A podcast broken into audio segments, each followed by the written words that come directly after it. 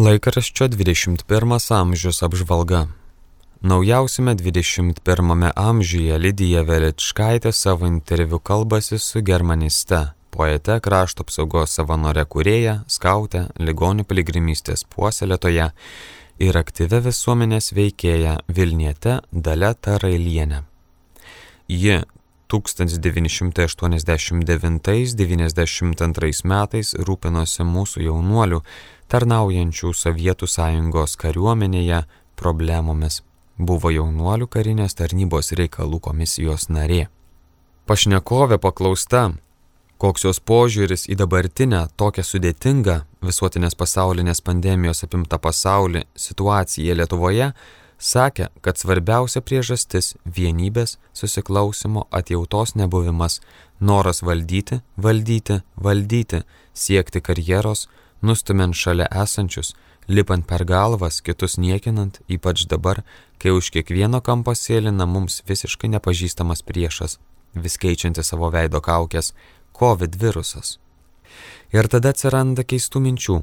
Gal kam ši mirti siejanti pandemija neša naudą, klėstėjimą, juk žmonija baisių kataklizmų akivaizdoje ryštingai stodavo šalia vienas kito į žudbutinę kovą, pamiršusi nuoskaudas savo vaikams, šeimoms, miestams ir valstybėms įsaugoti. Dabar vaizdelis visai priešingas.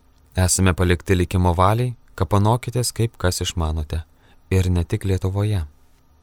21 amžius praneša, kad socialinės apsaugos ir darbo ministerija įteikė gerumo žvaigždės savivaldybių merams ir nevyriausybinių organizacijų atstovams padėjusiems spręsti šalyje kilusią migrantų krizę. Kilę iššūkiai dar kartą patikrino ir patvirtino, kad šaliai sudėtingų metų mokame susivienyti ir kartu su partneriais galime greitai surasti reikiamus sprendimus. Renginyje kalbėjo socialinės apsaugos ir darbo ministrė Monika Navickienė. Nevyriausybinio organizacijų ir savanorių susitelkimas, ilgametė patirtis, kompetencija ir profesionalumas padėjo rasti sprendimus nuolat besikeičiančioje situacijoje. Už neįkainojimą pagalbą valstybei humanitarinėje srityje, žmonių gyvybių ir orumo saugojimą, pagalba nelaimės ištiktiems žmonėms Lietuvoje gerumo žvaigždėjai teikta Lietuvos kryžiaus draugijos generaliniai sekretoriai Kristinai Meidai už aktyvę pagalbą sprendžiant vienišų vargstančių ir krizių paveiktų žmonių socialinės problemas, gerumo žvaigždė apdovanota Lietuvos karitas generalinė sekretorė Deimantė Bukeikaitė. Už indėlį valdant migrantų krizę padėkos įtiktos Maltos ordino pagalbos tarnybai, visuomeniniai organizacijai Gelbėkit vaikus ir Maisto bankui. Rūta Verkienė rašo apie druskininkų švenčiausiosios mergelės Marijos škaplėrinės bažnyčioje vykusi baigiamąjį chorų. Baigiamąjį chorų festivalio skirto Mikalojaus Konstantino Čiurlionio 145-osioms gimimo metinėms koncertą. Čia ne tik dieviškai gražiai skambėjo Mikalojaus Konstantino Čiurlionio muzika ir gražiausių chorų dainos – bet jautriai ir nuoširdžiai spindėjo asmenybių šviesa, apie kurią kadaise jis rašė. Renginį vedęs Varėnos kultūros centro harmonija koncertmeisteris Tomas Kizelis priminė, kad Mikalojui Konstantinui Čiurlioniui itin rūpėjo lietuvių tautinės muzikos kultūros padėtis ir lietuviška muzika. Jis ypatingą dėmesį skyrė liaudės dainai ir savo darbuose atskleidė jos neišsenkamus klodus. Sakralumo sklidinas dainas baigiamajame chorų festivalio vykusio visus šiuos metus koncerte atliko druskininkų, varėnos ir vievio chorai.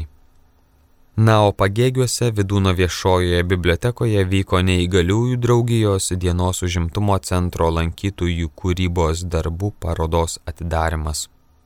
Joje dalyvavęs Šventojo kryžiaus bažnyčios klebonas kuningas Kazys Žutautas džiaugiasi neišsenkantį gerumą spinduliuojančių žmonių dvasios stiprybę. Gediminas Adomaitis savo apžvalgoje apie svarbiausias mėnesio datas primena, kad prieš 75 metus 1946 m. gruodžio 18-ąją sovietinis saugumas Kaišėdoryse suėmė vyskupą Teofilių Matulionį ir jo generalvikarą prelatą Juozą Labuką, o kitą dieną žasliuose kuniga Mata Cijūnaitį. Vyskupas netrukus buvo išvežtas į Vladimiro kalėjimą, vėliau į Mordoviją. Išsekęs vyskupas Teofilius Matuljonis į Lietuvą grįžo tik po beveik dešimties metų, kai šedoryse gyventi jam neleista, todėl būsimasis palaimintasis įsikūrė Birštone, kur netrukus vyskupu išventino Vincentą Slatkevičių.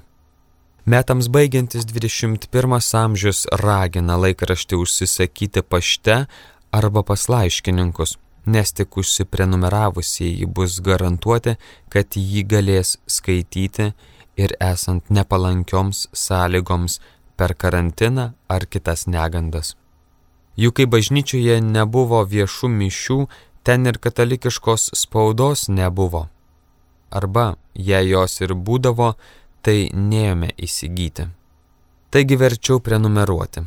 Turtingesnieji raginami užsakyti laikraštį kaip kalėdų dovana savo draugams, pažįstamiems giminėms. Apžvalga parengė laikraščio redakcija. Naujame žodžio tarp mūsų sausio vasario numeryje rašoma apie krikščionių vienybę. Popiežiaus pamokslininkas kardinolas Raniero Kantalamesa apmastydamas krikščionių vienybę, kviečia visus mus žvelgti vieną kryptimi - į Kristų. Atsigręžę į Kristų ir visi drauge eidami jo link, artėjame vieni prie kitų tol, kol tampame tuo, ko jis meldė - vieną su juo ir su tėvu. Kardinolas Raniero Kantalamesa mus tikina, katalikų ir protestantų karai baigėsi.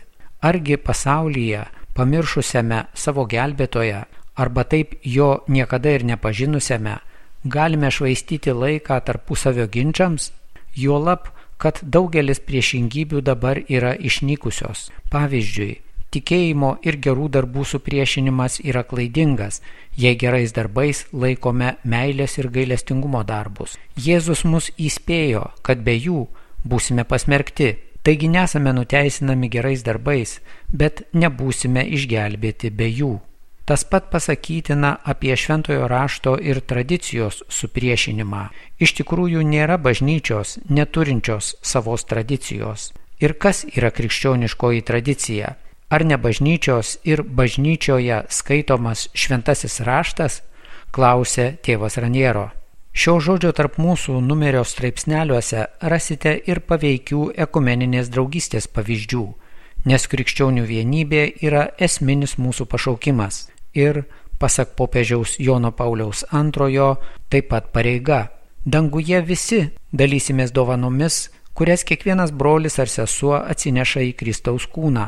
Tačiau kodėl reikia laukti dangaus, kad jomis džiaugtumėmės? Per ekumeninę draugystę galime jomis skonėtis jau dabar. Taip pat tęsime straipsnį apie psalmes, maldos kopiečias, kuriomis kilo ir leidosi daugybės kartų žmonės. Psalmės tai piligrimo keliaujančio pas Dievą kopiečios, sausio ir vasario meditacijos padės jums išlaikyti kasdienę ištikimybę Dievo žodžiui ir maldai, sustiprins tikėjimą, viltį ir meilę, žengiant nelengvu gyvenimo keliu. Nepamirškite žodžio tarp mūsų ne tik skaityti, bet ir kitam pasiūlyti ar padovanoti.